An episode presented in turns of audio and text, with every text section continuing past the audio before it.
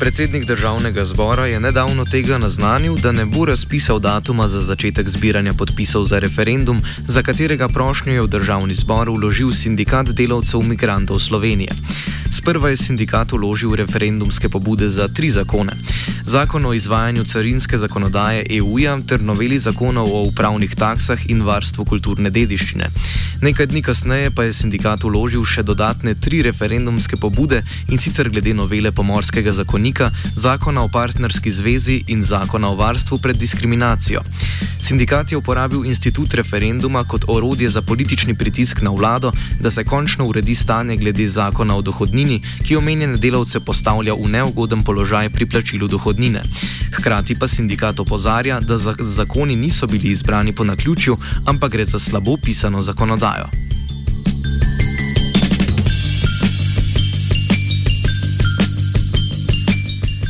Da je sindikat uporabil možnost razpisa referenduma za politični pritisk, je ravno, je ravno glavni razlog, ki ga je predsednik državnega zbora Milan Brgles uporabil, da je upravičil svojo odločitev. Utemeljitev, da o usodi politične akcije odloča sam in ne državni zbor, je predsednik zbora podal na današnji tiskovni konferenci.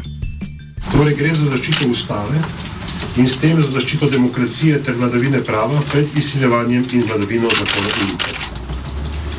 Dobro veste, da sem do sedaj razpisal vse referendume, ki so ustrezali zahtevam, če tudi mi je bilo subjektivno jasno, da gre v nekaterih primerih za klasične zlorabe, kar sem tudi javno povedal.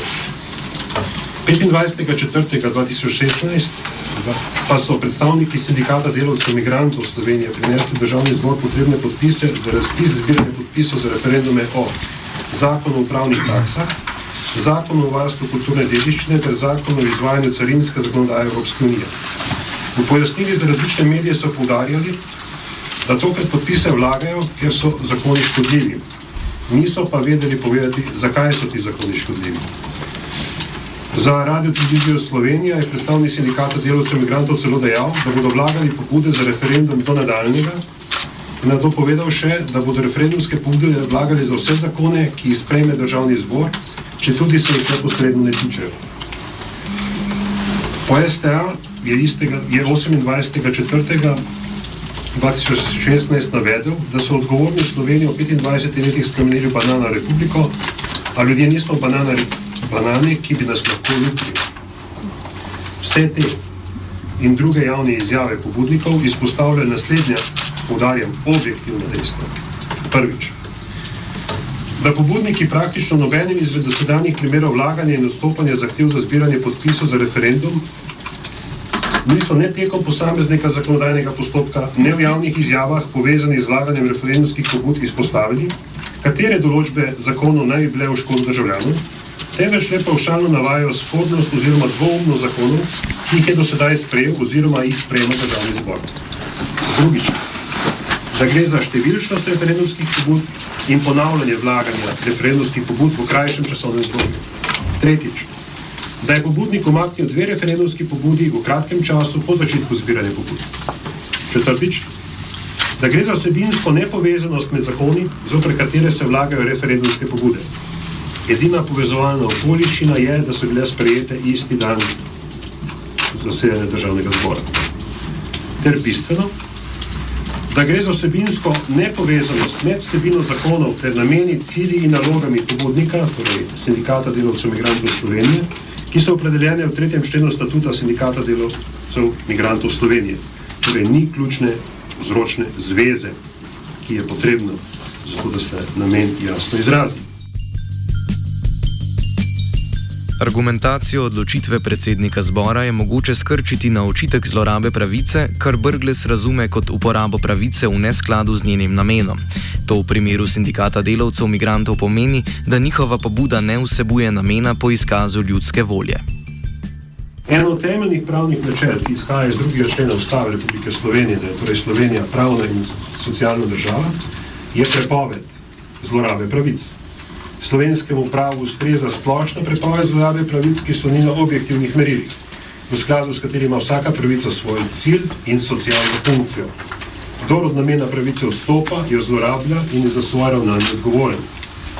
Pravica do sodelovanja državljanov pri upravljanju javnih zadev na podlagi 44. člena ustave je človekova pravica, ki pa ni absolutna. V skladu s tretjim ustavkom 15. člena ustave se pravica lahko omeji v primerih, ko to določa ustava in primerih, ko to terjajo pravice drugih oziroma v stališču ustavnega sodišča javna korist. Če nekdo zlorabo pravice iz 44. člena ustave posega v javno korist ali v pravice drugih, se mu ta na podlagi tretjega ustavka 15. člena ustave lahko omeji. V tem primeru torej gre za tipično zlorabo instituta referenduma, ki je v parlamentarnih demokracijah sicer izjemno pomembno urodje. Da gre za zlorabo pravice, je v referendumski pobudi Brgles dejal že v predhodnih javnih izjavah.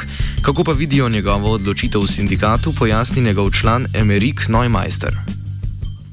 Za nas je nekaj vrste presenečenja, ker je to kaže na to, da si je pač eh, predsednik državnega zbora, ki bi moral biti na vrhu parlamentarne demokracije, da si vzel oblast in gre tolmačiti ustavo po svoje.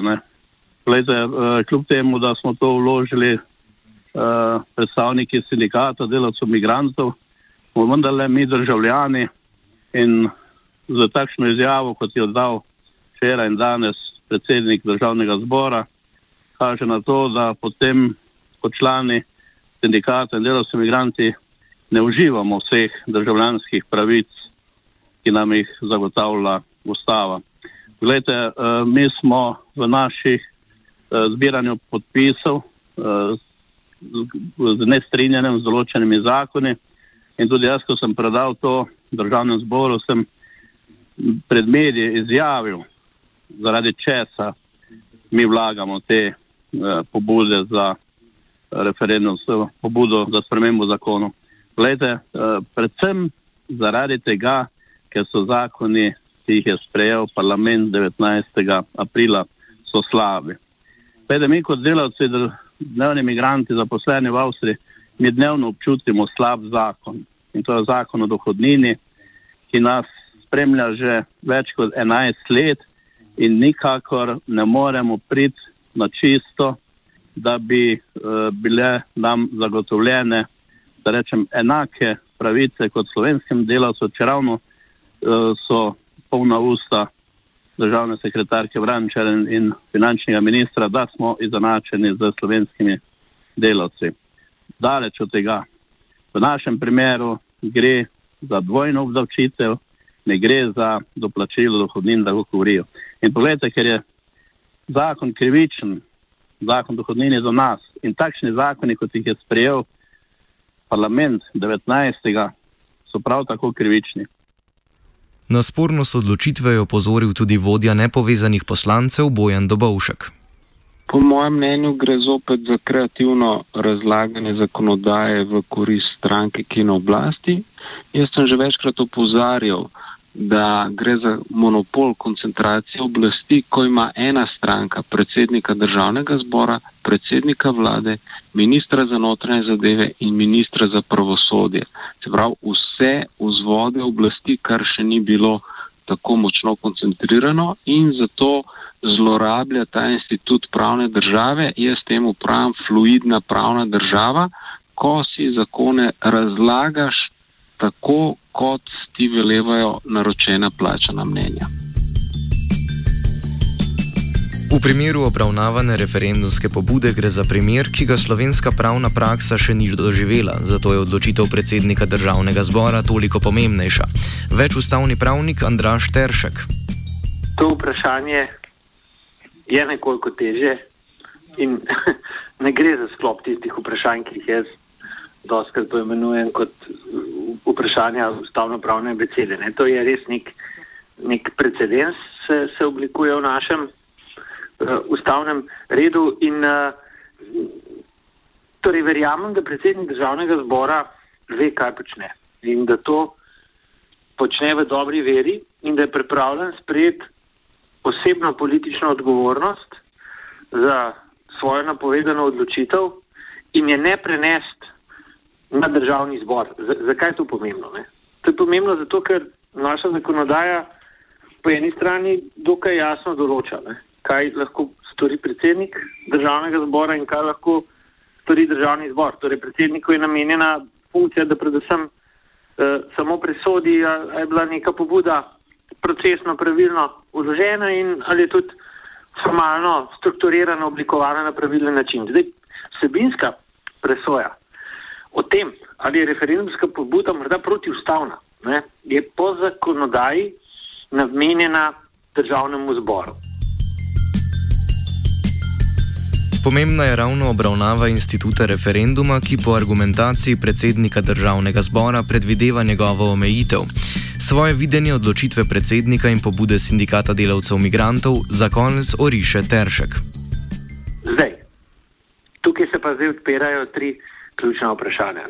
Je prvič je, gre za to, ali je to res zloraba instituta referenduma, torej nelegitimna zloraba tega instituta, ali pa gre morda za malo bolj skrajno obliko političnega pritiska. Ne? Se pravi, kot ena, ena posebna vrsta stopna neke civilne neposlušnosti, ne, ne tiste prave civilne neposlušnosti, ampak posebna oblika političnega, političnega protesta.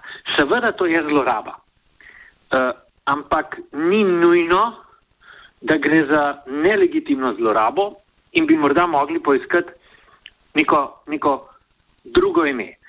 Če mene vprašate, k čemu se, se nagibam v tem vprašanju, sem zdaj malo razmišljal, celo predsednik republike bo, bo o tem imel jutr nek posvet.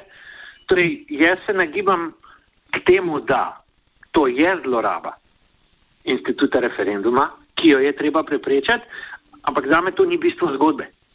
Za me je, za je bistvo zgodbe ta, da, da verjamem, da pobudniki ravnajo v dobri veri in da je to, kar oni zahtevajo, legitimno, da jim je treba prisluhniti in, in kot pravnik na podlagi do zdaj zbranih informacij verjamem, da je pravna ureditev v tem trenutku taka, da te delavce migrante postavlja v pravno neenakopraven in neuzdržen položaj in da je treba ta problem rešiti. Da je treba razrešiti vsako možnost, vsak dvom, vsak spor glede tega, ali v nekem konkretnem primeru prihaja ali lahko pride ali do dvojne obdavčitve ali pa do kakšnega drugega pravnega problema. Ker, ker poznamo, da nekateri delavci imigranti se zaradi tega res soočajo s težavami, ki jim celo ne mogoče eksistenco. In, in to je pravi problem. In zdaj, ker opredeli te pobudnike, kot da rušijo ustavni red in hromijo zakonodajno odločanje, ni korektno. Offside je pripravil Jošt.